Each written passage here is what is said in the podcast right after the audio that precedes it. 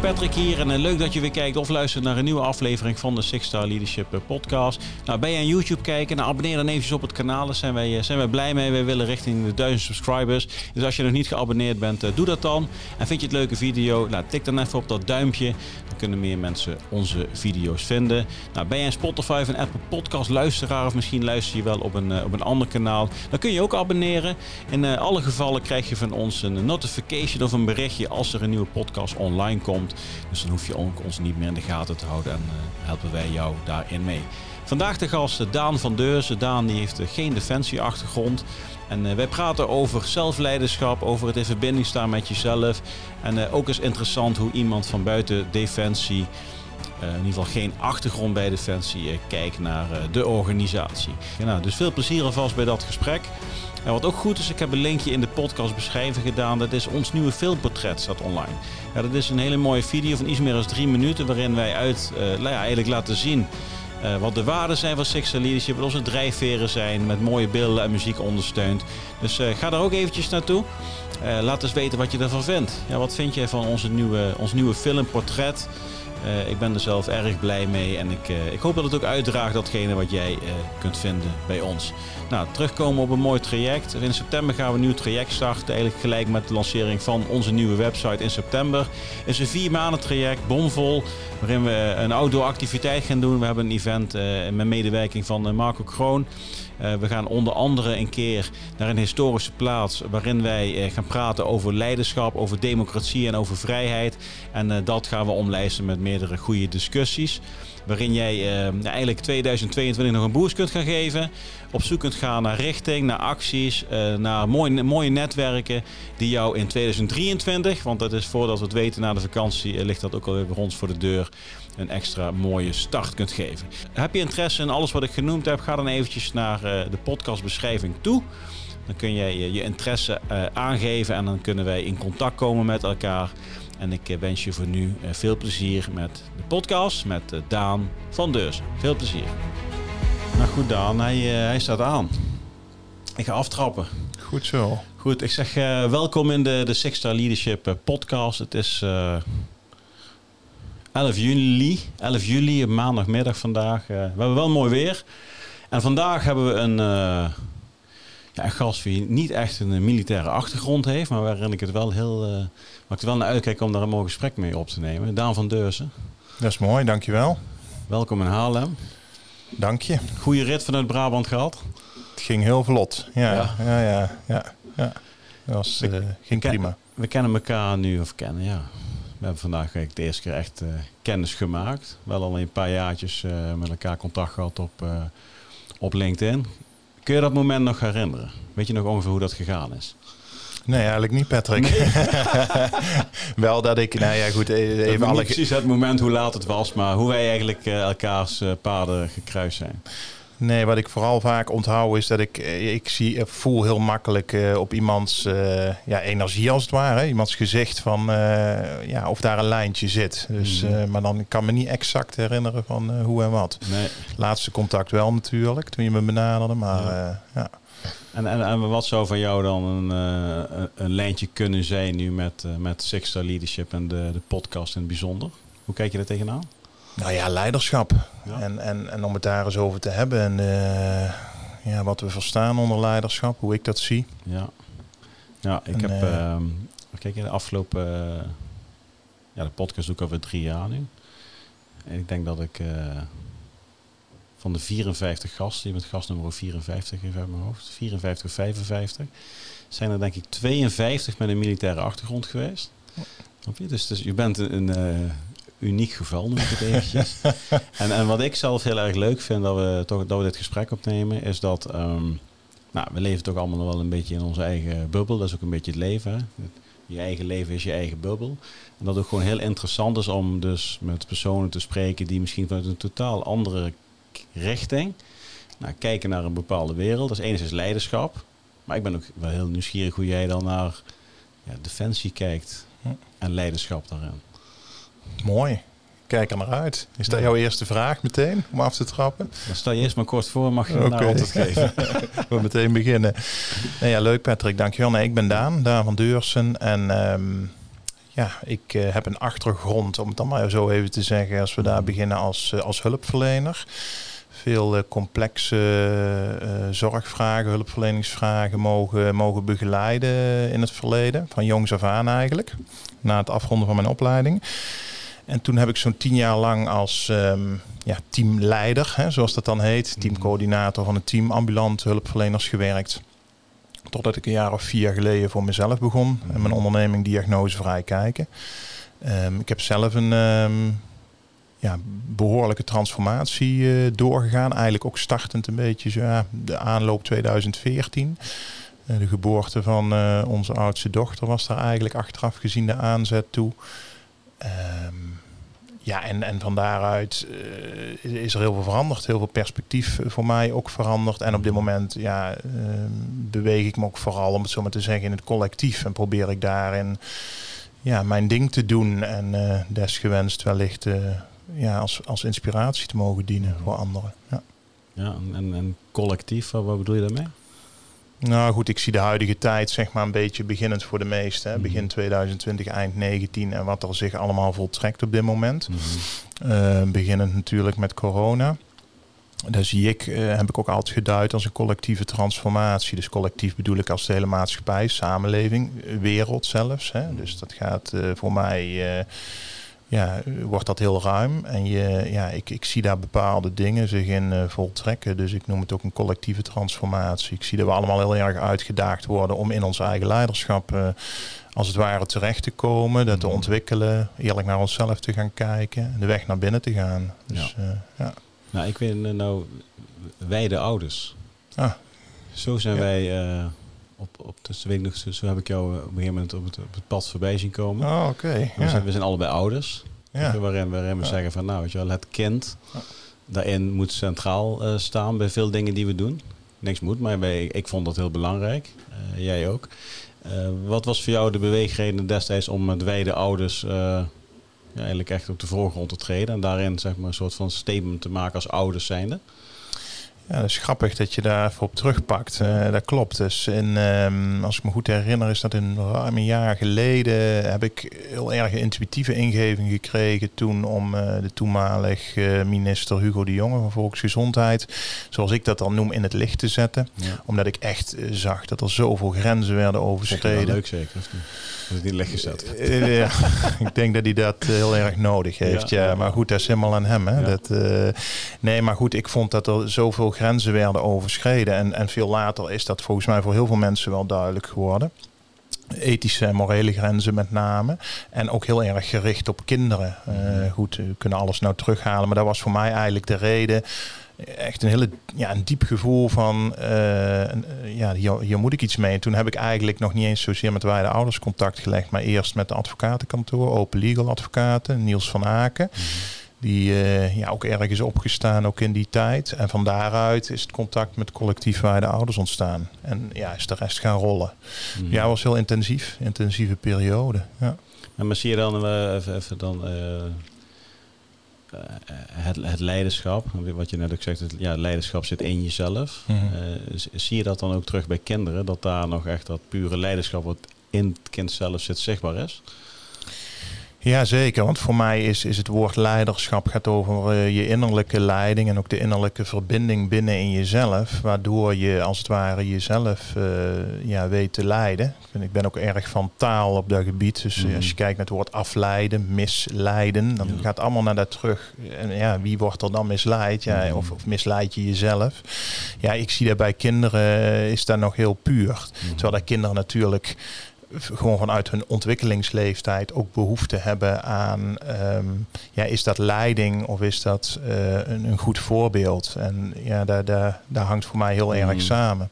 Ik denk dat een echt leider een, uh, het voorbeeld is wat hij zelf ook graag wil zien hè, in de wereld. Mm. En uh, zo zie ik leiderschap. En ik bedoel, ik ben ook mens, hè? dus ik ben ook vader en ik ben ook wel eens onredelijk en ook wel eens chagrijnig. Ja, en, ja, ja zeker. En dat blijft ook gewoon zo. Ja, uh, hebben we ook nodig, toch? Dat hebben we nodig. Alleen ik kan daar tegenwoordig en al langere tijd volstrekt eerlijk naar kijken. En hoe klein die meiden ook nog zijn, alhoewel ik ze nou vrij groot vind worden, 6 en 8 van het weekend ook nog. En dan zeg ik, nou papa, deed even onredelijk. Dat is van mij. Ehm, en ik denk dat daar, zo zie ik leiderschap heel erg. Dat je Mm. volledig eerlijk naar jezelf dur- durft te kijken en verantwoordelijkheid neemt. En ja, hoe klein ze ook zijn, je ziet en voelt gewoon dat die kinderen dat heel goed begrijpen.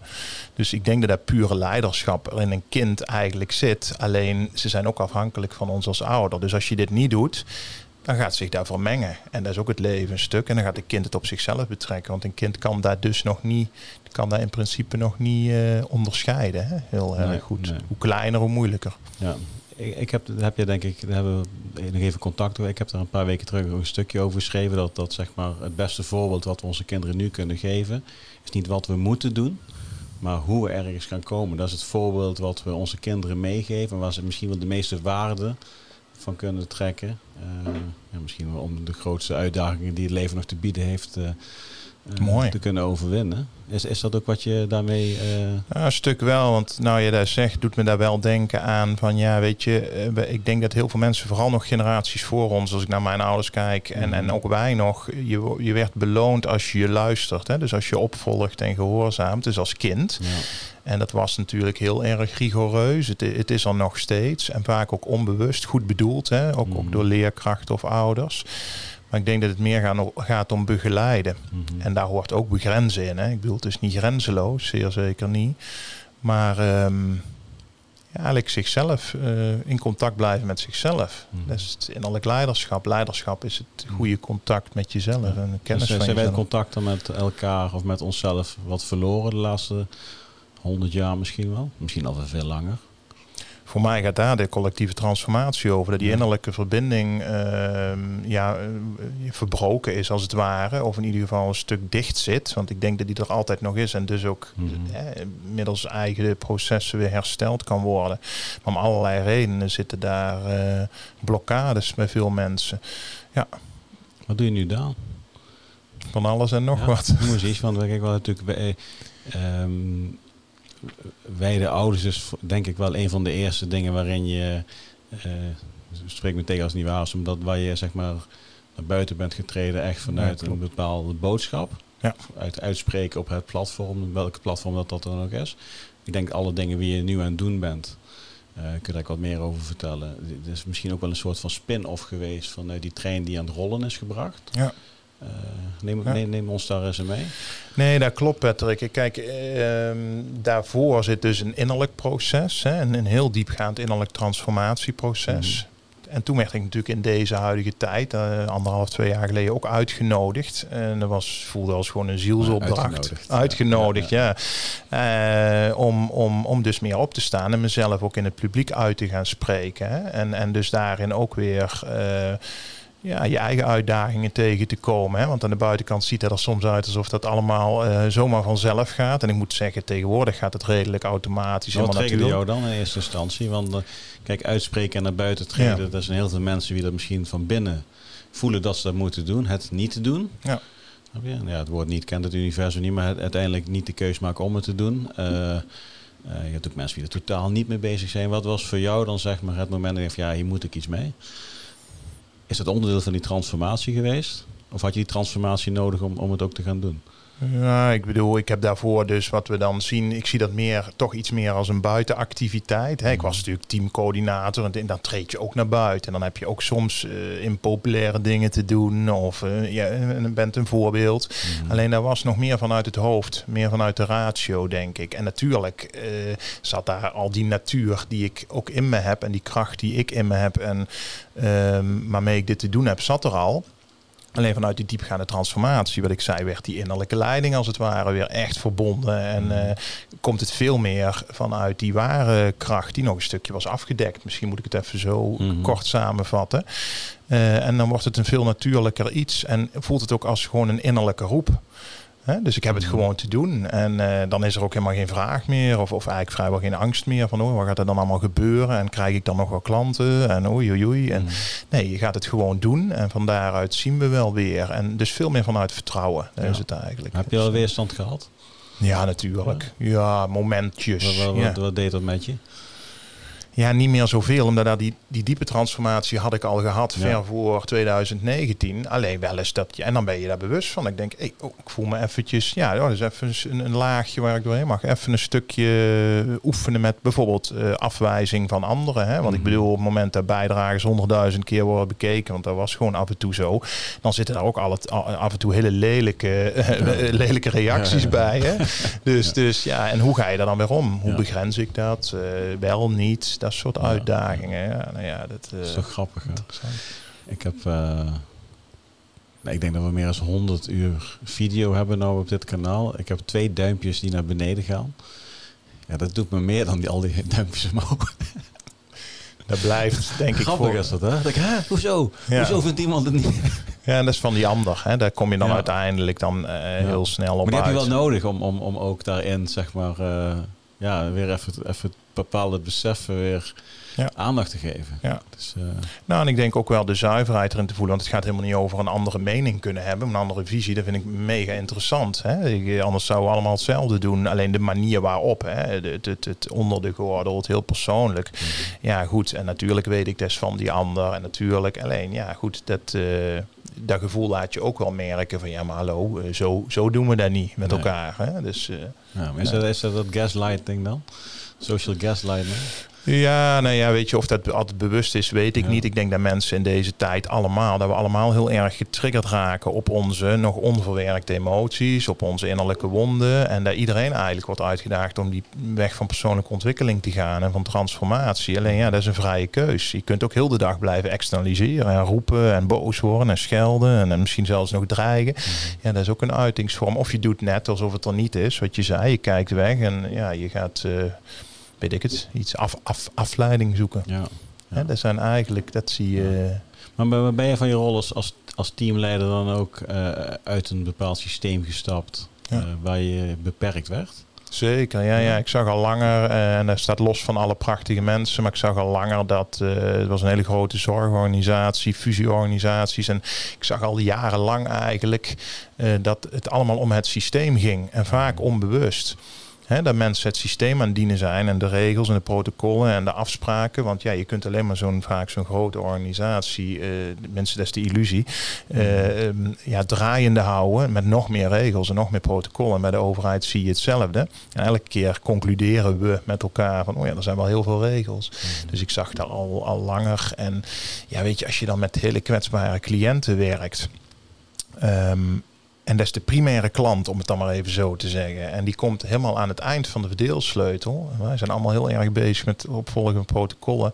Dan werk je dus op basis van wantrouwen in plaats van op basis van vertrouwen. En dat je gewoon zegt, hé, hey, jij bent hier aangenomen om dat werk te doen. Ik vertrouw jou, ga ervoor. Werk vanuit je hart, je intuïtie. We hebben samen een gesprek af en toe. Het is allemaal niet zo ingewikkeld. Hè? Eh, Ja, Oké, het, maar je eh, moet het ook nog uitvoeren. ja, precies. Dus ik denk, Doen. wel, dus ik denk wel dat, dat, dat wat je nu zegt wel heel veel zeg maar, op papier de manier van werken is.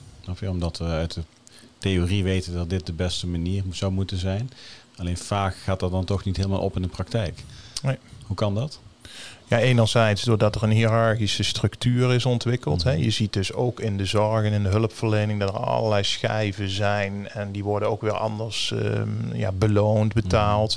En op het moment dat er heel veel mensen dat onbewuste zullen allemaal ontkennen. Van ja, maar ik ben niet jouw baas. Maar dat wordt wel van, vaak vanuit het baas zijn in plaats van uit leiderschap. ehm, eh, en dus vanuit controle en nog een stuk onderdrukking geacteerd.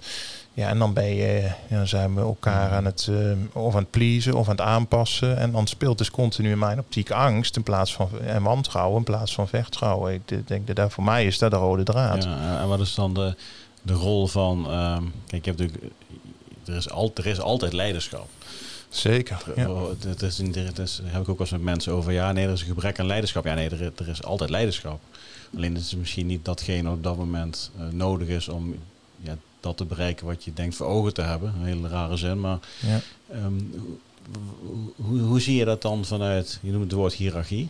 Kijk, de- de- toch even defensie. Mhm. Een hiërarchische organisatie. Hoe, hoe kijk je dan als burger in dit geval, eh, die toch een bepaalde kijk op leiderschap en zelfleiderschap heeft, naar zo- zo'n organisatie? Ja, nogmaals, het gaat niet over personen. Hè, maar kijk, voor mij is dat oud denken. Ik, ik, ik zie een wereld voor me waarin wij de mogelijkheid hebben om die innerlijke kracht aan te spreken. Allemaal. En dat gaat niet van vandaag op morgen. Hè. Dat heeft tientallen jaren misschien nog nodig. En dan, het gaat wel heel snel, vind ik. Waarin we mensen, um, mensen als voorbeeld dienen en als inspiratiebron zodat mensen die innerlijke kracht in zichzelf gaan ontdekken. En ik bedoel, dan, dan ja, dus daar, zo kijk ik daarnaar. En natuurlijk snap ik wel als er, zover kan ik me wel inleven, als er zeer gevaarlijke operaties nodig zijn, dat dat weer om hele andere dingen vraagt. Hè. Ik bedoel, dus, dus niks is zwart-wit, dat wil ik wel even stellen. Alleen ja, dan kom je meer op het punt van wat vind je überhaupt van defensie en, en, wapens. En, ik kan het zo meteen over hebben. Ja. Maar met name zeg maar, hoe kijk je, want ehm, als ik jou hoor spreken over, de, over het de zorgsysteem in dit geval. Uh, had ik voor het gesprek ook even over wat gasten die ik hier heb gehad. Defensie is, is als organisatie zijnde een systeem waarin je inderdaad alleen maar procedures hebt. Alleen hoe kleiner je het gaat bekijken. Uh, ik heb daar juist geleerd dat je dat allemaal moet loslaten om met elkaar het beste resultaat uh, te krijgen. Dus juist wel de, de vrijheid gekregen ook om ja, een duidelijke opdracht. Nou, dit moeten jullie doen.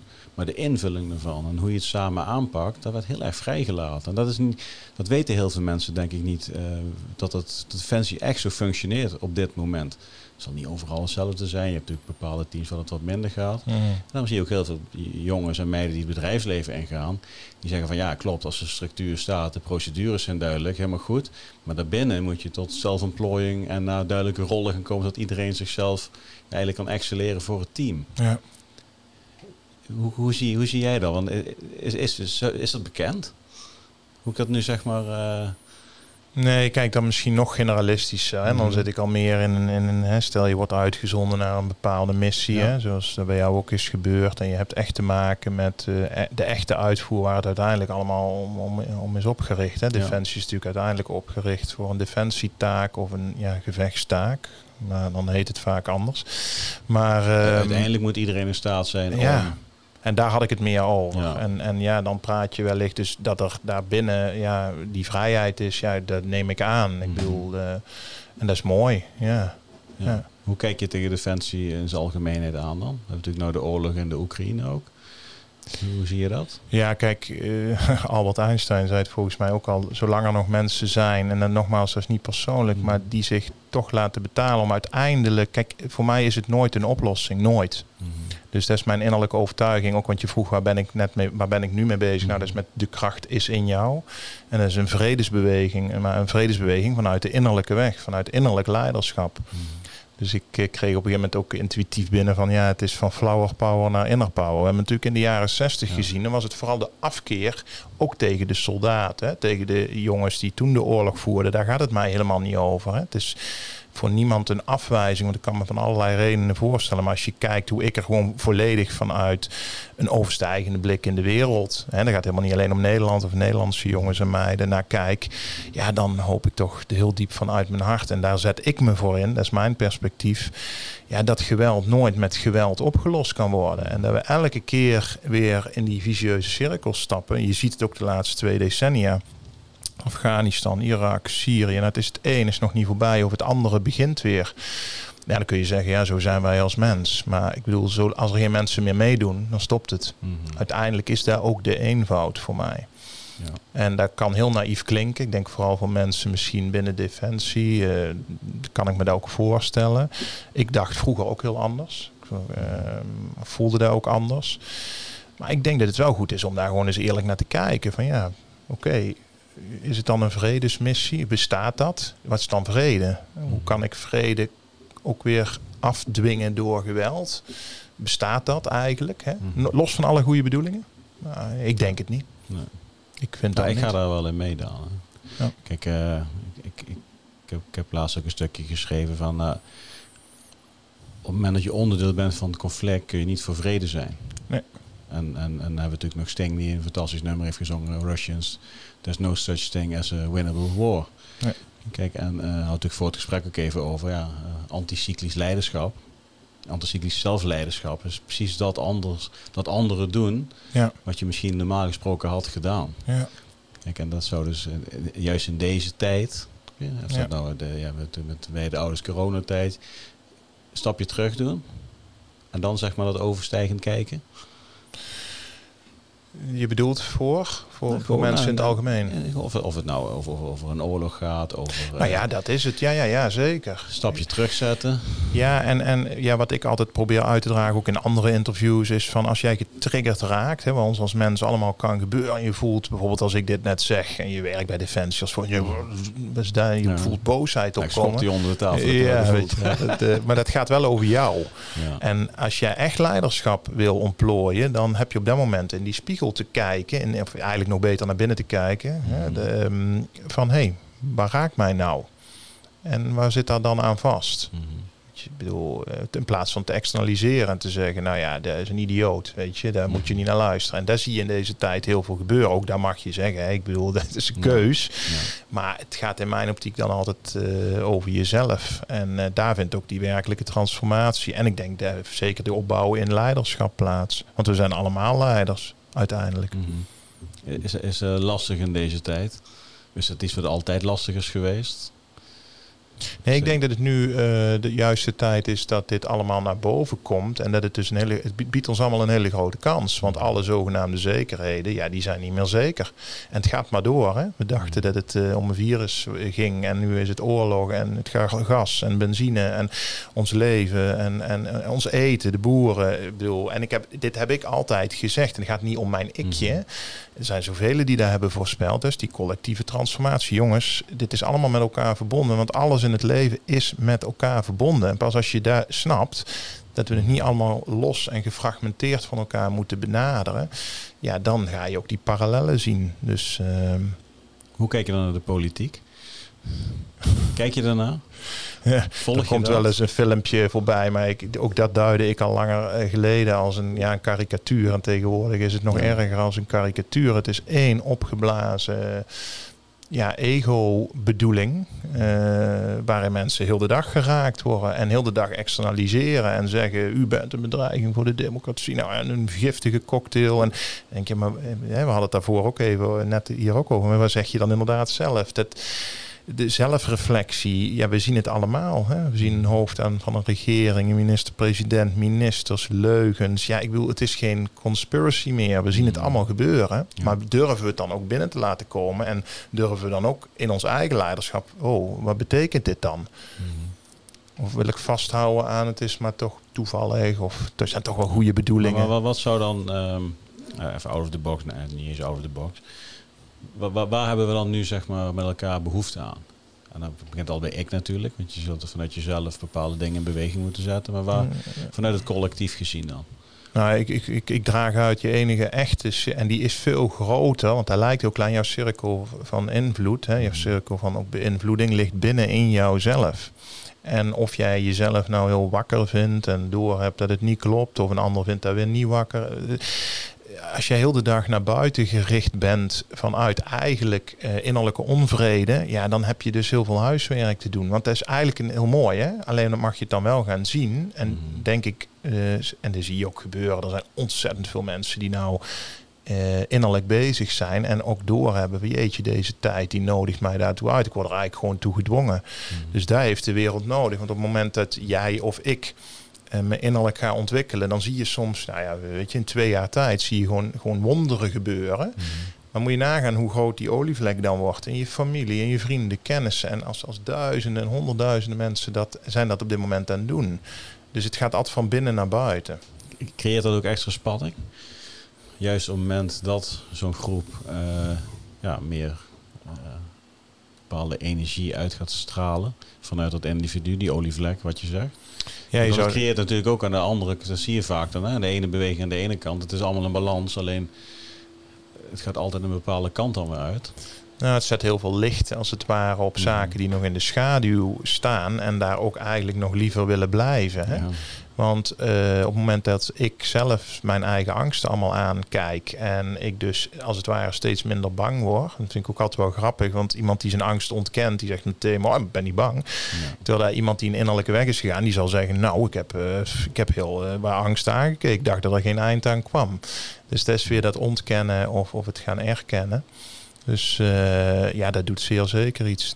Ik denk dat zo ook de ware heling plaatsvindt. En zo ontdek je ook je werkelijke missie, die aan, gekoppeld zijn aan die kernkwaliteiten. Kern, hè, jouw kern. Mm en anders ben je toch nog met, met een buitenactiviteit bezig. Zo noem ik dat dan. Hè. Buiten is het nog een stukje vanuit het hoofd, puur vanuit de ratio. Je doet het omdat je ja, wellicht het zo hebt geleerd, omdat je vader het deed. En noem maar allemaal, allemaal menselijk. Hè. Ik bedoel, bin there, done that. Ik heb al die ervaringen ook mogen hebben.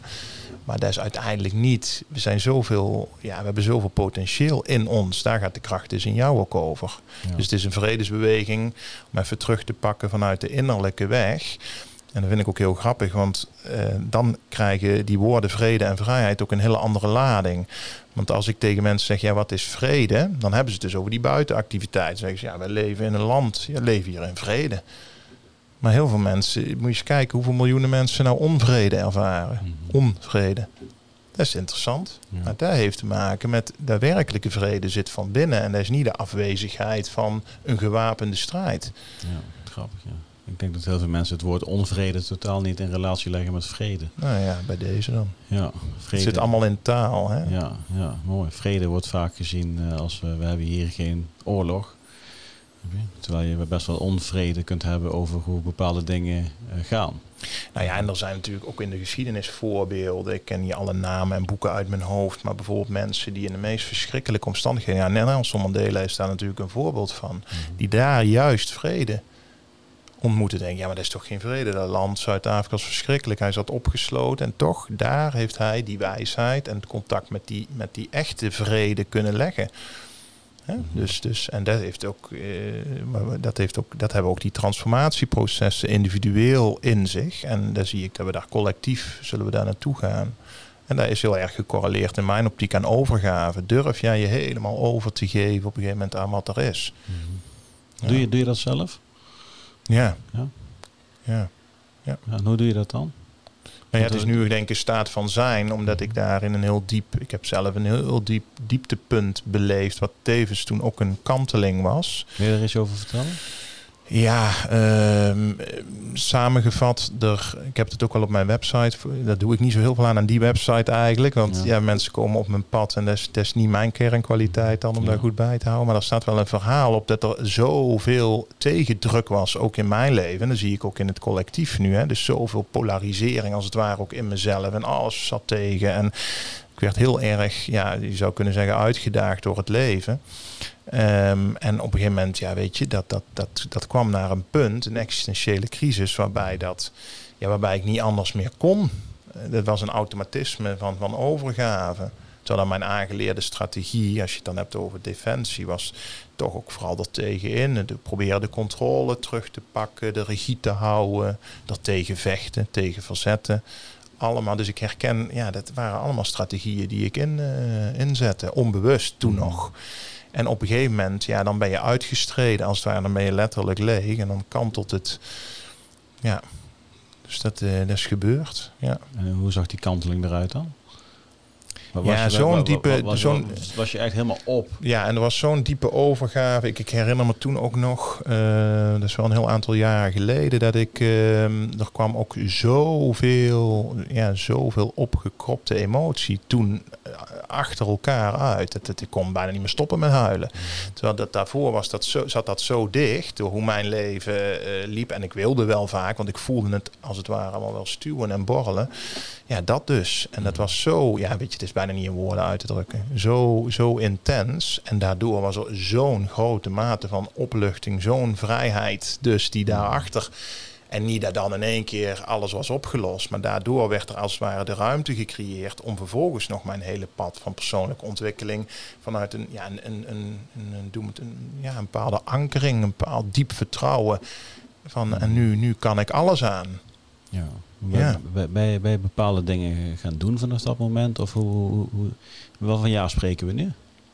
Uh, die kanteling is 2017 geweest. 2017, vijf jaar geleden. Ja. Toen was je al vader dus? Ja, ja, ja. Okay, dus, dus, dus, de hele transformatieperiode, wat natuurlijk ontzettend heftig voor jezelf, maar ook voor je omgeving is geweest, denk ik. Zeker, zeker. Uh, Heel veel loslaten. Je was al een jong gezin.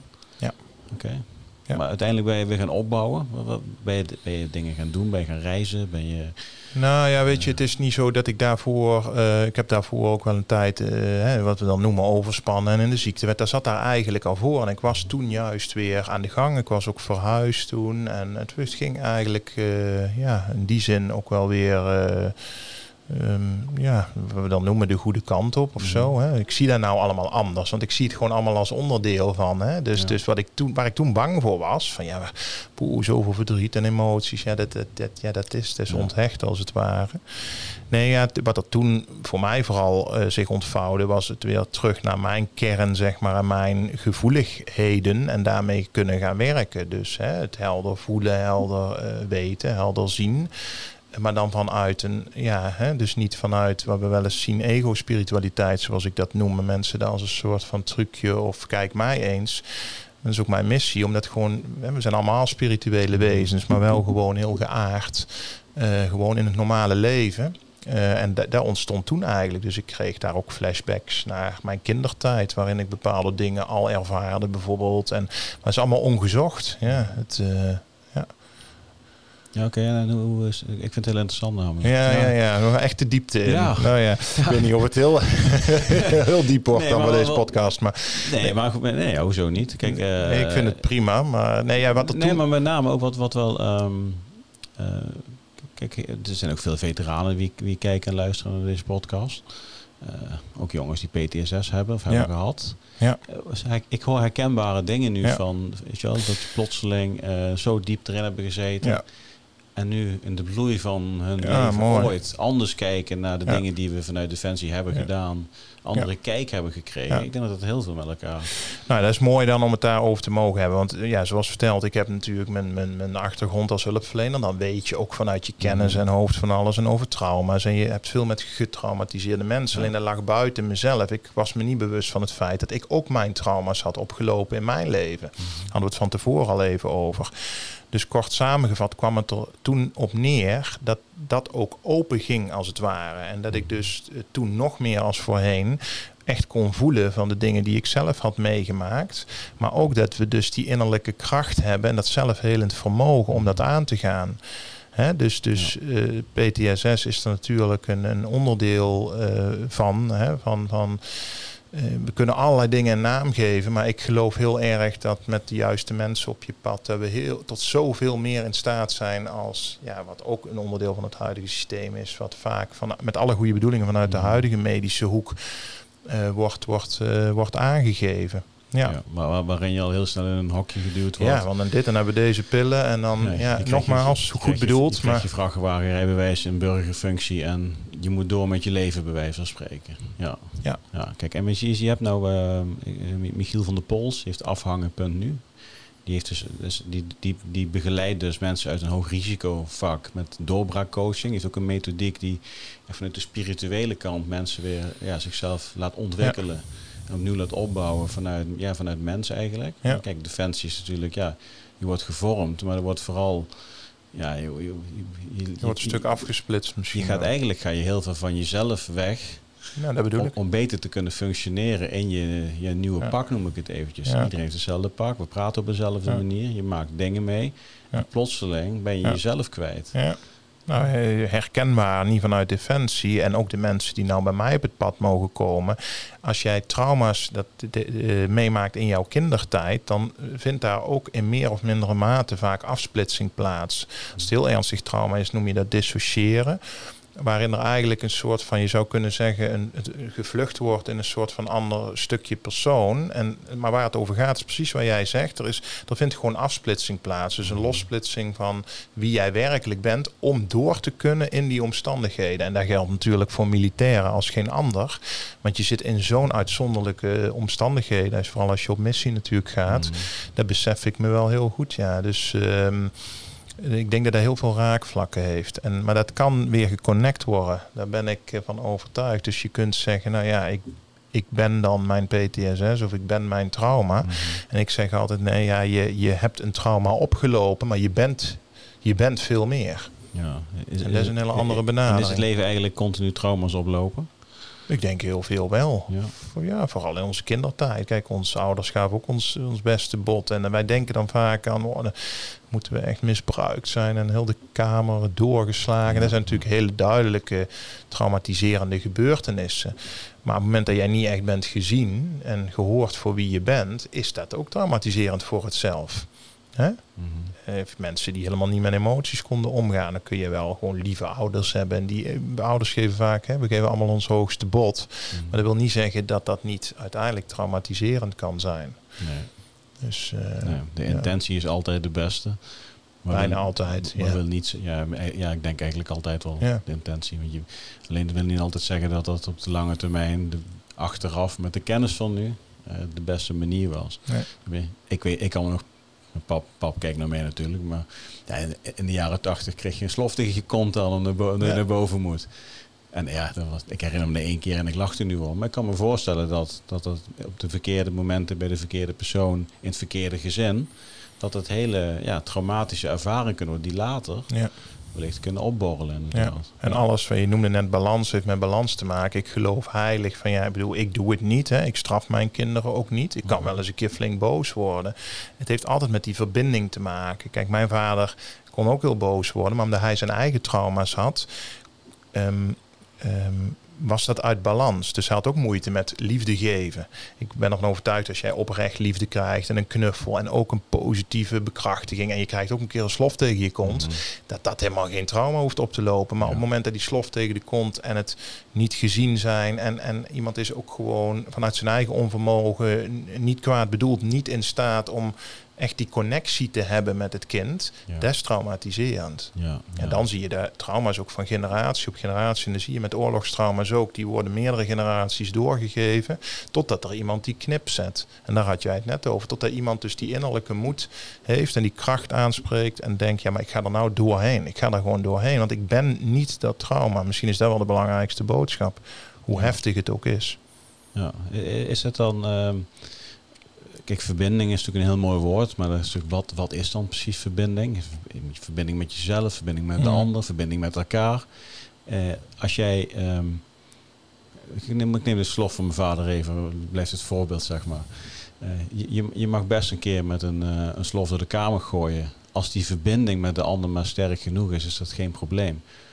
En of je nou, we, zijn misschien ook wel deels een getraumatiseerd volk. Eh, de verbinding is weg. Zowel met degene wie nou af en toe een keer met de slof eh, door de kamer Mhm. heen gooit. Krijg je raar gedrag. Dat zie je bij bedrijven ook. Waar de leidinggevende de, de verbinding met zijn team niet op orde heeft. Of eigenlijk met zichzelf misschien niet op orde heeft. Krijg jij frictie, krijg jij weerstand. Is dat iets wat je nou dan ook bij jou vanuit je, eh, vanuit je werk ziet? Dat er veel meer eh, ja, vanuit de verbinding, tekort aan verbinding, dat daar ook trauma's naar boven komen? Ja, maar je noemt het al voor mij, en dat is ook leiderschap. Leiderschap gaat over mij over de leiding in onszelf. Hè? Mhm. Dus, dus de verbinding. Je ziet het als de lijn. Hè? Ik zeg wel eens hoofd, hart, onderbuik. Eh, de, de juiste balans tussen jouw mentaal, fysiek, eh, spiritueel en ook emotionele lichaam, zeg maar. Daar, daar, Mhm. En op het moment dat die verbinding in jouzelf goed is, heb je automatisch ook verbinding met anderen. Ik hoef niks te doen voor een fijne verbinding nu met anderen. Maar dat was in het verleden wel anders Mhm. Had ik ook goede wel verbinding, maar op een andere, andere wijze. En dat bedoel ik met die bui. Dan is het toch oppervlakkiger. Je komt eerder wat je zegt in conflict. Dan denk je, goh, eh, of frictie. Of het, eh, ja, daarin kun je het aflezen, denk Mhm. ik. Ja. Als je naar de grote wereldleiders kijkt dan, ja, is, is dat dan niet hetgene waar we nu met z'n allen ook een beetje tegenaan lopen?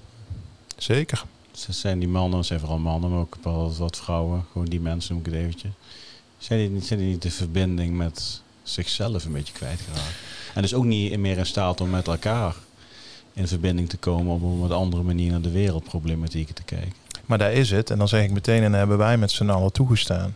En dan pakken we dus die verantwoordelijkheid op onszelf. Hè? Want we kunnen zeggen, Rutte, rot op. Wat ik dan heel veel Nou ja, hoor. die, die doet op zijn en denk manier ja, ook, dan eh, komt Rutte en dan komt er een die heeft de ander. juiste intenties, weet je, dat denk ik. Ja, nee, maar Ja. vanuit zijn optiek. Nee, maar ik bedoel te zeggen van, als jij het dus buiten jezelf plaatst, hè, je zegt dus, nou, ik ben me bewust en eh, nou, het klopt niet hè, met Rutte, en, eh, die, die heeft geen verbinding, laten we het dan zo eh, zeggen, en hij doet rare dingen. En dan denk je van, als hij weg is, dat het dan is opgelost. Dat vind ik heel, ja, dat is heel makkelijk. Hè? Want ik bedoel, dan hoef je zelf geen, dan draag jij dus geen verantwoordelijkheid. Want het is allemaal gebeurd het in Den Haag. En het zijn daar een stel boeven. En, en dat, dat kan allemaal zo zijn. Dat, dat, dat hoeven we dan misschien nog niet eens te betwisten. Maar dat staan wij dan toch toe. Daar hebben wij dan toch met elkaar ook een verantwoordelijkheid in. En dat is waar leiderschap voor mij over gaat. Dat je dat dus met elkaar verbindt. Maar het is zeer zeker zo. Het is trouwens ook wetenschappelijk uh, bewezen. Ik herinner me nog een college ooit van. Uh, ja, hij ziet de dingen wel heel anders als ik. Lang geleden op mijn HBO-opleiding van, uh, hoe heet hij nou? Schwab, die hersen. hersen hersendokter in, uh, in Nederland. Nee, Neuroloog. Niet Klaus. Nee, nee, nee, niet Klaus. Nee, nee, nee, nee.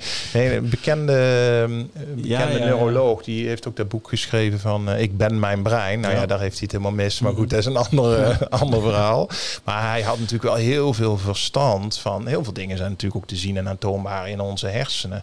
En daar had hij het over hooggeplaatste, zoals we zien, hooggeplaatste CEO's, leiders. Dat daar uh, in deze wereld, en daar komt dus nu naar boven, gewoon aantoonbaar maar in de hersenen heel veel mensen met persoonlijkheidsproblematiek, antisociale persoonlijkheden zelfs uh, tussen zaten veel, narcistische persoonlijkheden. Ja, weet je, en iedereen die uh, in organisaties heeft gewerkt, je hoort het ook tegenwoordig overal om je heen. En je ziet dat dus ook in de politiek. Ja, ik bedoel, dat is, het is ook gewoon aantoonbaar. Hè? Dat, dat dat soort mensen nu nog, en dat is in mijn optiek aan het afbrokkelen. Ja, dat wordt heel erg in het licht gezet. En mensen zien ja, ik, je ziet ook een bepaalde ridiculiteit tegenwoordig. Je denkt, oh jeetje. Het is, bijna, het is bijna zielig soms. Ja, ik bedoel, het kan bijna soms... Dat, dat het zo dik erop legt. Ja, dat het, dat het, dat het, het, wordt echt kinderachtig. Maar goed, daar correleert het ook aan. Want het zijn veel mensen met een, een enorm hoog intellect, maar een heel laag emotioneel eh, niveau. Dat valt wel te zien. Als je daar een beetje verstand uh, van hebt of daarop kan invoelen. Nou ja, ik, en dan is het balans zoek. Ik, ik, denk dat je ja, verstand. Ik, ik denk uh, logisch verstand. Ja, ja. Boerenverstand. Intuïtie, uh, vanuit ja, het voelen gewoon, ook. Hè? Vanuit, uh, de, de, dus wat, wat voor een opleidingsniveau je ook hebt. Nee, nee, nee, nee, nee maar Al, daar als je inderdaad een, een, een, een, beetje bewust ja, wil voelen. Ja. Uh, ik zeg bewust een beetje, want het begin daar eens mee. En de rest komt dan vaak uh, erachteraan. Want ervaar je, ja. dan ga je dingen ervaren. Ja. Dan ga je denk ik al heel snel zien, wel een rare opmerking. Ja, prima. Laat maar, weet je wel. Dan ga je door met je leven. Terwijl je het misschien daarvoor... Ik, ik zag je het, keek je ernaar, uh, vond je er iets van. En nu glijdt het wat meer van je af. En omdat je niet meer in het systeem stapt van datgene wat je ziet of hoort... ga je vanaf de zijkanten naar kijken. En dat maakt het dan grappig. Maar je moet het ook nog durven. Het, um... Kijk, veel mensen ontkenden het nog hè, in aanvang twee jaar geleden.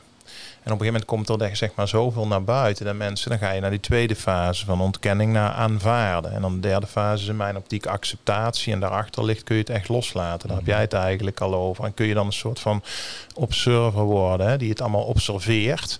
En soms wel in het licht zet, hè, als dat nodig is, zoals ik dat dan noem. Um, maar ja, het is. Um, um, ik herinner me nog een tijd geleden een buurtbarbecue. En toen ging het daar ook zo over. En dan voel je dus dat mensen het voelen. Maar toen kwam de, momenten. de paniekreactie bijna letterlijk zo. Ja, wat kunnen wij dat toch aan doen? Nou, en daar zit dus de afhankelijkheid. Eigenlijk de angst van, wow, ik zie wel dat het niet klopt. Ik zie wel dat het eigenlijk best wel heel erg is. Ik bedoel, we hoeven ons alleen maar te verdiepen in de toeslagenaffaire. Ik bedoel, kom op. Het is, Alleen tegelijkertijd voelen we ons, ik heb er ook ooit een bijdrage over geschreven, heel erg afhankelijk. En hebben we leven dus in de illusie ja, dat het allemaal buiten ons ligt en dat we daar niks aan kunnen veranderen. En dat we een soort van weerloze prooien zijn over wie het wordt uitgestort. Ja. Hè? Dat doen we zelf. Dat doen we zelf. Dan wil je ik, dat doe ik zelf. Ja. ja. ja.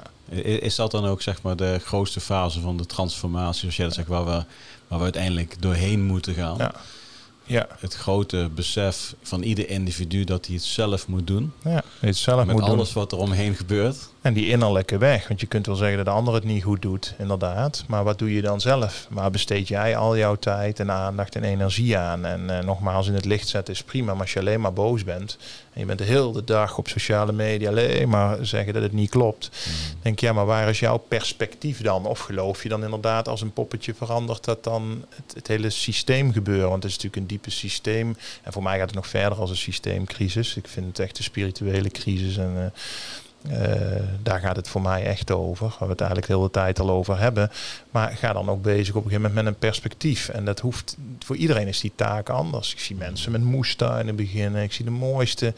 Je ziet van allerlei dingen gebeuren. Maar dan ben je wel bezig met een creatie en manifestatie van iets wat je wel wil. Ja, en, en, en hebben ook een crisis nodig om het beste, uh, het mooiste in jezelf te vinden. En ook dat bij andere mensen te zien? Zeker, nog wel. Ja. Hoezo ja. nog wel? Ja, ik denk dat we naar een tijd toe gaan, als ik ook kijk zo naar de kinderen, dat dat steeds eerder als het ware uitgezuiverd wordt. Ik geloof heel erg in spiritueel opzicht ook dat we dus, nou, dat was ook dat stuk oorlog. En dat is niet over vijf jaar of tien jaar, maar dat we echt naar, ik, ik zie dat in het groot, hè, dat we over honderd jaar uh, en in mijn optiek komen we hier gewoon weer terug als we daar zin in hebben. Hè? Want, uh, we zijn niet dit lichaam, dus hetzelfde als dat we niet ons brein zijn. Uh, ja, dat we daar naartoe gaan. En ik zie dat gewoon gebeuren. Dus dat maakt dat, ja, dat je, ik heel hoopvol ben eigenlijk. Of wetend, ik weet het niet. Dus ik vul het maar in. Nee, nee. Naïef hoopvol of gewoon wetend. Ja, ja nee, maar ik, ja, ik heb zelf uh, twee keer een Vipassana retraite gedaan in, ja. uh, in Maleisië. Dus twee keer tien dagen. Tiendaagse... Uh, ja, dat is wel pittig. Maar dan, dan leer je ook wel van ja, jezelf in het juiste perspectief te plaatsen. En, en dat, is, dat is heel...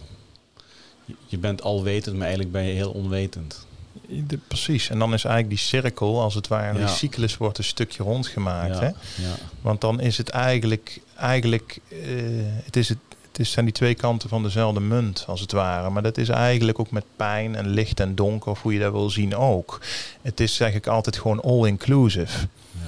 Snap je? En pas als we daar gaan snappen, dan hoeven we het ook niet meer weg te duwen, te onderdrukken, weg te houden. En dan als een ander te veroordelen die niet helemaal in de pas loopt volgens jouw uh, normen en waarden. En uh, ja, weet je, het gaat allemaal over onszelf.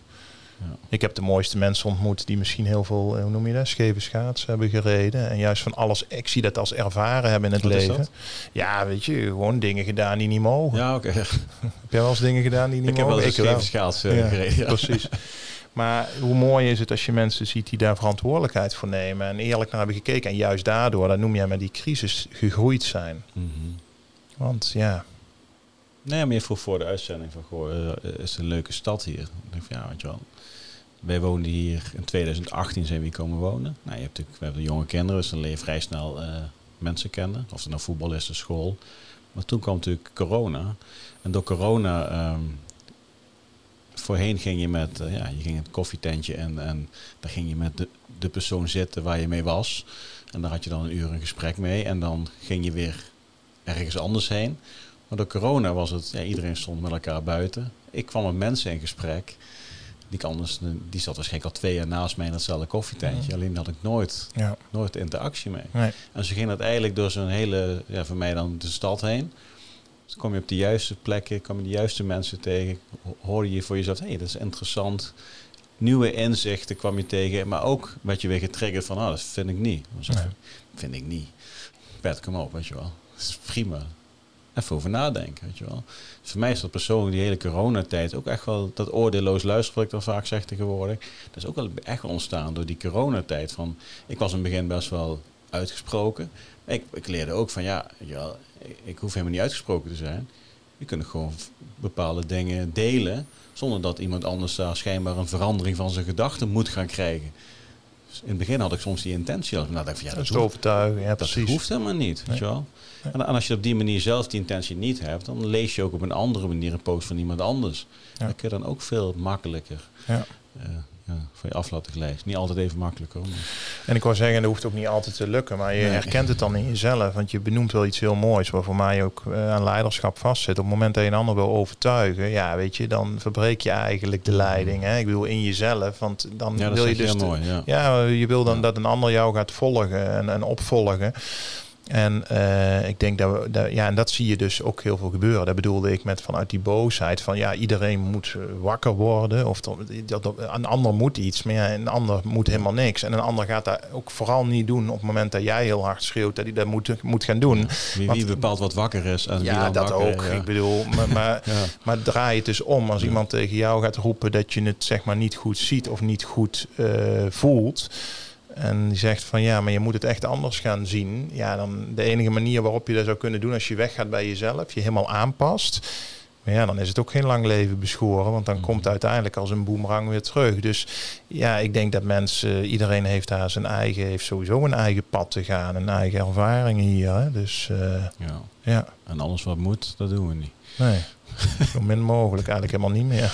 Nee, maar dat is, wel, dat is wel leuk om terug te geven dan. Weet je wel, van ja, weet je wel, eh, ja, we moeten wakker worden. Maar waarom dan? Ja, we, moeten van alles. Oké, wacht. Ja. Dat, dat zit vaak de crux dan ook. Ja. Waar, waar ben je nu druk mee, Daan? Je hebt hele mooie, mooie spelletjes. Ja, de kracht is in jou is eh, wel heel erg mooi ontvangen, moet ik zeggen. Daar was ik al. En dat is echt eh, hoe ik het eigenlijk ook tegenwoordig aanvlieg, is dat ik dan soms maar een ingeving krijg. En dan was de kracht is in jou. En ik heb die euro laten, hoe noem je dat, registreren.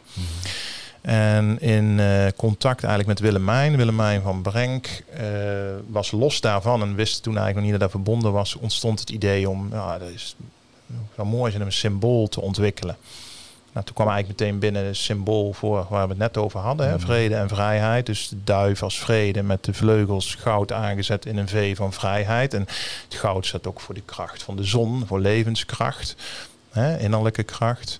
Ehm, nou oké, dat was dan zo en dat werd een beetje uitgezet en losgelaten. En uiteindelijk eigenlijk ook door die, de, dat is dan in deze podcast wel grappig, door, die, door alles wat er weer in Oekraïne ontstond. Toen pats in één keer werd het verbonden. Ik denk, de kracht is in jou, heeft te maken met dat symbool. Nou, toen hebben we dat eh, verbonden en eh, ja, zo is het verder gegaan. En nou, deze week, zo grappig, als het goed is, donderdag wordt de website gelanceerd. Oh, dus dan gaan we het ook wat meer automatiseren, want het, het werd een gekkenhuis. We hadden 500 speltjes die waren binnen no time weg. Ja. En de volgende 500 zijn nu ook weer weg. En ik geloof dat nou de derde deze week komen. Het is gewoon prachtig om te zien. Eh, het gaat om die intentie daarachter. Het is geen, juist geen clubje. Het is in volledige vrijheid dat mensen. Ik heb nog nooit een speltje gedragen. Het gaat in wezen niet om het. Het gaat wel om het speltje, maar het gaat om de energie erachter, de intentie. En de mensen voelen Dus het is symbolische waarde. een symbolische Ja. waarde. Maar daar zit echt wel een. Ja, er zit gewoon een transformerende kracht achter. Daar hoef je verder niks bij te bedenken. Dat is gewoon zo. Ja. Nee, nee. Nee, heel mooi. Ja. Ja. Ik, heb- dat- dat, eh, ik heb natuurlijk het, het veteranenspelletje. Ook met een V natuurlijk. Ja. Kijk, dus misschien word ik wel de eerste veteraan. eh, Dat zou mooi zijn. Ik heb er één bij, Patrick. Ja, dus, eh, Dat je verteld, daarom. Ja, Dus, ja, eh, ja, ja. Dus die, kan misschien heel mooi naast mijn veteranenspelletje staan. Ik, ik heb toen de Oekraïne net was uitgebroken, heb ik de Facebookpagina Veteranen voor Vrede geopend. En toen zag ik al heel snel dat het niet over dat onderwerp ging. En toen heb ik uiteindelijk besloten van nou, dit, dit, dit, dit trekt de verkeerde dingen aan. Hm. En dat is wel een mooi voorbeeld van ja, wat is dan vrede? Weet je wel? Ja, Vrede is... eh, het afdwingen van vrede. Niemand kan vrede naar zich toe eigenen. Ja. Nee, Dat Het wordt, afdwingen, dat wordt kan vaak gedacht. Alleen je bent onderdeel van een kant dan. ja, precies. En ik, en ik heb dat ook En onderdrukking, hè? Hoe bedoel je daarmee? Op het moment dat ik denk dat ik vrede, dus wat ik al eerder zei, met Ja. geweld kan afdwingen, hoe, hoe, eh, ja, weet je, en dan wordt wel eens natuurlijk, ja, maar wat, en als we in de Tweede Wereldoorlog, ja, maar er is geen als, Ja. want je weet niet hoe het anders was gegaan. Het feit is dat we het steeds hebben afgedwongen door de gewapende strijd eh, aan te gaan. Feit is ook dat er toch veel hele wijze mensen altijd hebben, of dat nou Martin Luther King is, of Nelson Mandela, of, of wil je naar Jezus, of, of Boeddha, altijd hebben gepleit voor de werkelijke innerlijke vrede en ook die eh vredelievende weg. Want daar zit echt een veel grotere kracht achter. Alleen die kun je alleen maar in jezelf aanspreken. Mhm. Ik snap ook heel goed als dat nog niet zo is. Kijk ik weer naar mezelf in alle eerlijkheid jaren geleden. Dat ik denk, ja, vrede. Wat is dat nou voor gezwets? Snap je? Dus dat Ja. snap ik heel goed. En dat is ook prima, weet Ja. je. Dat is dus vrijheid. Vrijheid is dat dat net zo goed er mag zijn. En dat we elkaar niet hoeven te bestrijden daarin of te hoeven overtuigen. Ieder kiest zijn eigen pad. En ik voel dat dit pad heel belangrijk is. Het, eh, Ja, eh, heb jij ook verdiept in, in zeg maar de, de, de, de, secties in de 70s tijdens de Vietnamoorlog? Toen was het natuurlijk ook een, een je het net al even kort over gehad, een mega stroming van mensen die ja, peace wilden. Eh, We zijn ondertussen twee keer zo groot op deze aarde. We zijn met twee keer zoveel mensen. Hoe, hoe, hoe, hoe groot is die stroming nu dan, als we dit zeg maar, in dat mooi. perspectief neer gaan zetten?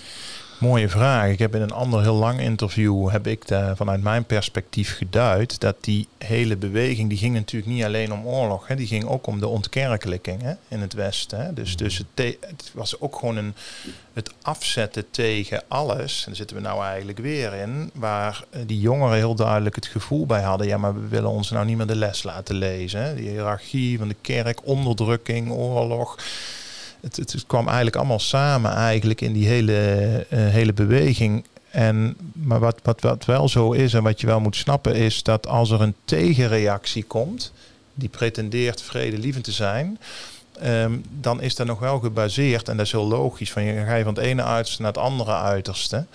Uh, alleen dat was niet echt vanuit die innerlijke weg. Natuurlijk gebeurden er wel allerlei prachtige dingen die ook met die innerlijke weg te maken hadden. Alleen wat zag je? Enorm drankgebruik, enorm, niet iedereen, hè, maar bekend, enorm drugsgebruik, enorme vrije seks, maar vaak nog vanuit het ego. Dus toch hè, vooral um, lust. lust. Mm -hmm. En wat heel interessant is, want ik vind het wel mooi dat jij dat uh, lijntje legt. Voor mij is dat een heel mooi lijntje naar deze tijd. Dat ik zie welke mensen bestelden nu dan hier dit speltje. Er waren potverdorie allemaal mensen die die innerlijke weg toch, die, of in ieder geval daarop resoneerden. En denken van ja, verrek. Of die al gegaan waren. En dan krijg je een meer geaard, zoals ik dat noem gewoon hele normale, alledaagse mensen die met hun beide benen op de grond of hun handen in de klei snappen. Ja, maar daar gaat het om. En we hebben geen, ik bedoel, ik drink wel eens een biertje, vind ik lekker, maar we hebben geen uh, enorme hoeveelheden drugs en drank. En, Nodig om. Nee, en wat je dus zag, dat wil ik dus heel duidelijk zeggen, omdat hier veel mensen van Defensie naar kijken, is terwijl er ook hele vreemde en verschrikkelijke dingen gedaan in die dualiteit naar die jongens en de meiden die waren uitgezonden en die oorlog hadden gevoerd, die werden echt ook um, ja, haatdragend. Dus denk ja, peace, vrede. Maar daar probeer je dus iemand anders weer te onderdrukken die volgens jou perspectief iets fouts heeft gedaan, namelijk oorlog hè, is gaan voeren. Ja, daarin zie je het al. Daarom wil ik dat ook zo duidelijk benadrukken. Dat het daar niet om gaat. dat ik, want dan ben je weer onderdeel van een clubje. Ja, maar dan ben je dus ook weer een ander de maat aan het nemen. Ik wil helemaal niemand de maat nemen. Je sluit je daarin of je verbindt je in vrijheid of je doet het niet. Ik bedoel, dat is heel eenvoudig. Mhm. En ik kan alleen maar uitdragen hoe ik het zie. En ik kan heel veel respect opbrengen voor iedereen die vanuit zijn eigen intenties dat heel anders ziet. En denkt, ja, maar we hebben zeker een leger nodig. En eh, ja, ik voel me daar helemaal senang bij. Mhm. Ik denk dat daar echte vrede en vrijheid uiteindelijk uh, over gaat. En ook alleen maar verder uh, uit voort kan komen, is dat je elkaar altijd blijft zien als mens. Hè? Dus nou is het woord burger heel veel, maar ik, ik gebruik dat woord niet. We zijn mensen en medemensen over de hele Mhm. wereld. En in allerlei soorten, kleuren en maten. Maar in de kern hebben we volgens mij uh, iets heel duidelijk gemeen. Nou, ja. Mooi. Ja. Mooi dan. Passie, ja, ik weet niet, kan het. maar dat meen ik echt. Nee, ja, maar ik, ik, ik, ik haak helemaal aan wat dat betreft. Ik kan me daar ook niet anders in. En want ja, weet je, op het moment, en dat wil niet zeggen dat ik wel eens denk, joh, hou eens op met dat oorlog voeren. Ik bedoel, dat is iets heel anders. Maar het is iets heel anders als iemand persoonlijk daarop afwijst. Mhm. En dat zag je dus in die beweging wel. Uh, waardoor je weer dualiteit creëert. Wij, zij. Uh, aan de andere kant waren het uh, misschien vanuit het leger weer. Daar heb je die, die, die achterlijke wilde hippies, die zwervers die niet werken voor hun geld. Weet je, dan krijg je dus weer oorlog. Ja. Ja. Dus we creëren in wezen echt weer het is hetzelfde altijd wij, gecreëerd. Het is altijd een wij-zij. Ik wil geen wij-zij. Die verschuift zich over de aardbol en dan zit je in dat kamp en dan zit je in dat kamp. Ja. En uiteindelijk is vrede dus in geen kamp zetten. Ja. gewoon iedereen respecteren eh, zoals hij of zij is. Ja. Kijk, en ja, ik heb wat wel een hele bijzondere achtergrond natuurlijk. Ik had het van tevoren heel eventjes over. Eh, kijk, ik vind Defensie nog steeds een machtig mooi eh, bedrijf. Ja, ja ik, ik ben wel anders gaan kijken naar wat we met z'n allen aan het doen zijn op deze wereld. Los van hè, mijn, mijn, mijn dank en respect voor Defensie, weet je wel. Eh, ik, ik denk wel van ja jongens, we, mo- we moeten, we op een andere manier gaan kijken hoe we zeg maar de, de, de krachten en middelen en, en, en, en, al, en al het geld wat er naartoe gaat, hoe kunnen we dat inzetten op een manier zoals we, dat we op een andere manier de echte vrede kunnen gaan dienen. Ja.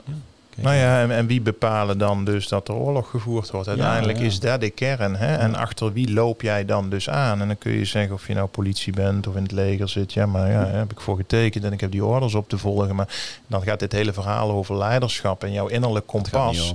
Dat gaat niet meer op. Nee. En ik snap het wel, dat is iets anders. Hè. Ik snap echt hoe moeilijk dat dat is en, en, en enzovoort. Maar ik, goed, er zijn ook andere mensen, ook bij mij. Dat is dus niet voor niks uh, vanuit Defensie op mijn pad gekomen. Persoonlijk, zeg maar. Hè, die ik ook nog niet kende. En die ook met dat verhaal kwamen. Die ook doorkregen. Ja, maar uh, wat wordt er nou eigenlijk van ons gevraagd? Laat ik het dan nog wel heel netjes zeggen. En onder welke agenda gaan wij waar naartoe? Mhm. En wat is dan die buitenkant en hoe wordt het gepresenteerd en wat is nou die realiteit? Nou, dat vind ik hartstikke mooi om te horen en ook heel moedig als iemand daarin met zichzelf, begreep dat het toch voor velen geldt, dat er daar, ja, dat toch ook mensen, laat ik zeggen, het vanuit verschillende invalshoeken gaan bekijken. Ja, en ik denk dat dat uh, altijd heel erg verstandig is, laat Ja. ik zo zeggen. Ja. Onderdeel van de bewe- beweging. Onderdeel van de hele transitie, transformatie noem ik het, waar we in zitten. Ja. Ja. Ga zo afronden, Daan. Je gaat nu even lekker naar het strand. Ja, ik, uh, jij zegt het en uh, ik zie dat de zon uh, gaat schijnen. Ja, dus, dat is mooi. ja. Dus, uh, dankjewel voor je komst. Ja, Ja. jij ook bedankt. Ik, ik, we, we hebben alles besproken wat we wilden bespreken. Want we hadden natuurlijk niks afgesproken. Hè, dus dat is, dan is het altijd goed. Precies. Ik vind het leuk om ook op deze manier in deze podcast nou, een keer naar leiderschap te kijken, maar ook gewoon naar het perspectief ja, van de wereld, uh, van, de verbinding staan met jezelf en met de ander. Ook iemand die niks met defensie heeft, maar daar wel gewoon een bepaalde kijk op heeft en dat het goed is. En nou, ik vind je hebt een mooie dingen gezegd, dus ik ben heel blij met dit gesprek. Dankjewel, dankjewel voor de uitnodiging en misschien wel een grappige afsluiting. Want toen ik jong was, keek ik toch wel erg op hoor, naar het korps mariniers bijvoorbeeld. En wilde ik daar toch heel graag bij. Dus snap je, dan snap je wel van, ja, het gaat niet om wijsheid of om uh, iets, iets uit te sluiten. Maar het gaat om een ervaringspad en iedereen bevindt zich precies op die plek, denk ik, waar die nou moet zijn. Uh, ja. Laten we breed blijven kijken, diagnosevrij. Ja, ja. en het Nationaal Reserve zoekt nog mensen, dus als je interesse oh, hebt, kijk, ja, linkje staat ja, in de podcast. Ja, ja, neem mijn speltjes mee. hey, jouw, jouw website komt donderdag online, zei je? Ja, dus de kracht is in jou.nl. Ja, die, die, zet ik gewoon in de beschrijving met de podcast erbij, want deze zal na, na donderdag pas online komen. Ja. En dan uh, kunnen mensen meer een speltje bestellen. Ja, nou ja, weet je, het lijkt me heel mooi om die verbinding ook binnen, wellicht binnen Defensie of in het politieapparaat uh, ook te hebben. Maar wellicht nog lastig, maar goed, daar vul ik dan verder nou, maar niet in. Nou, ik, ik, ik, ik denk dat, dat er meer uh, mensen dan dat je denkt geïnteresseerd zijn in deze manier van kijken uh, naar, naar de wereld. Ja. En, uh, kan ook haast niet anders. Want daar nee, zit natuurlijk ook om, allerlei wijsheid. Hè? Juist daar misschien wel ook. Want het zijn moedige mensen. Hè? Laten we, ik bedoel, nee, maar jij, je kijkt, de, de, we plakken nog even vijf minuten aan. Ja. Juist tijdens Oersgan, tijdens de dingen die ik zelf heb meegemaakt met mijn team, um, uh, heb ik ontdekt dat er meer is dan alleen maar datgene wat ik aan het doen ben. Zo zijn er honderden militairen ja. die ondertussen eruit zijn gegaan of nog steeds erin zitten, wat dan ook. Dus er zijn inzichten gekomen van hé, hey, en die, die, gaan, die zijn ook gaan nadenken. Ik heb er heel veel contact mee. Tuurlijk heb je nog steeds jongens die gewoon hun werk doen en gewoon gepassioneerd, loyaal zijn. Ja. Is ook prima. Maar heb je Ja. bij ieder bedrijf. Kijk, en uh, uh, wat ik zelf heel erg nu, ja, weet je wel, ik, ik denk dat wij, ik, ik, ik heb voor mijn gevoel, denk ik dat we goede dingen hebben gedaan in Afghanistan. Maar ja, weet je wel, die, die, die, mensen daar deden waarschijnlijk ook dat wat ze dachten dat goed was. Dus er is geen wij-zij wat dat betreft. Alleen het is natuurlijk wel heel lastig vanuit je westerse blik ja, afstand te nemen van dat wat lijkt dat goed is. Ja. Ja, weet je, maar daar gaat heel transformatie over. Misschien als laatste, los van defensie, gaat het over het deconditioneren. Ja. En, en, en zien dat jouw persoonlijkheid zich ontwikkelt door alles wat jou in de buitenwereld wordt aangereikt en aangeleerd van kinds af aan. En wat je ziet op tv en voor je ouders. En ja, of je bij defensie komt of net zoals ik in de zorg. Er is continue conditionering. En als je daar steeds los van probeert te komen, dan kom je meer in die innerlijke leiding. En wie ben jij dan eigenlijk los van al die conditioneringen en regels en protocollen? Ja. ja. Dankjewel. Jij ook. En dan komt het gesprek met Daan van Deurzen alweer ten einde. Ik, uh, ik vond het een mooi gesprek. Ik vind, ik vind het gewoon zelf ontzettend leuk en interessant om met mensen te spreken die op een uh, ja, wat andere manier naar bepaalde vraagstukken kijken dan, ja, dan wat ik zelf wellicht als achtergrond heb. Dat, dat inspireert, daar, daar leer je van en dan kun je ook wat dingen meenemen voor jezelf. Dus Daan, bedankt voor je komst. Ik wil jou ook bedanken voor het kijken op YouTube. Eh, voor het luisteren op Spotify, Apple Podcasts of een ander podcastkanaal. Abonneer je op onze kanalen. Ja, dat kan ook eh, door een eh, duimpje te geven of gewoon te subscriben. Dan, dan krijg jij van ons een berichtje als er een nieuwe podcast online komt. Ja, en we geven ook regelmatig leuke dingen weg die voor onze podcastluisteraars ter beschikking worden gesteld. Ga ook nog even naar de podcastbeschrijving toe waarin jij het linkje kunt vinden van ons filmportret. En het eh, Six Star Inspiratie traject waar ik ook in het intro over heb gesproken. Een vier maanden traject waarin we eh, eigenlijk eh, iedere maand iets fantastisch leuks gaan doen. Wat bijdraagt aan inspiratie en ontwikkeling. En je ook klaar maakt voor 2023. En ik denk dat dat iets is waar je bij wil zijn. Ik heb maximaal 10 plaatsen beschikbaar. Dus heb je interesse, nou, geef dat dan aan. Dan nemen we contact met elkaar op. Dan kijken we of het iets voor jou is. En als het iets voor jou is, dan nemen we de vervolgstappen. Nou, tot zover. Er komen mooie podcasten aan, dus eh, blijf eens volgen. En ik eh, dank je weer voor het, eh, voor het kijken, voor het luisteren. Patrick hier. Einde bericht.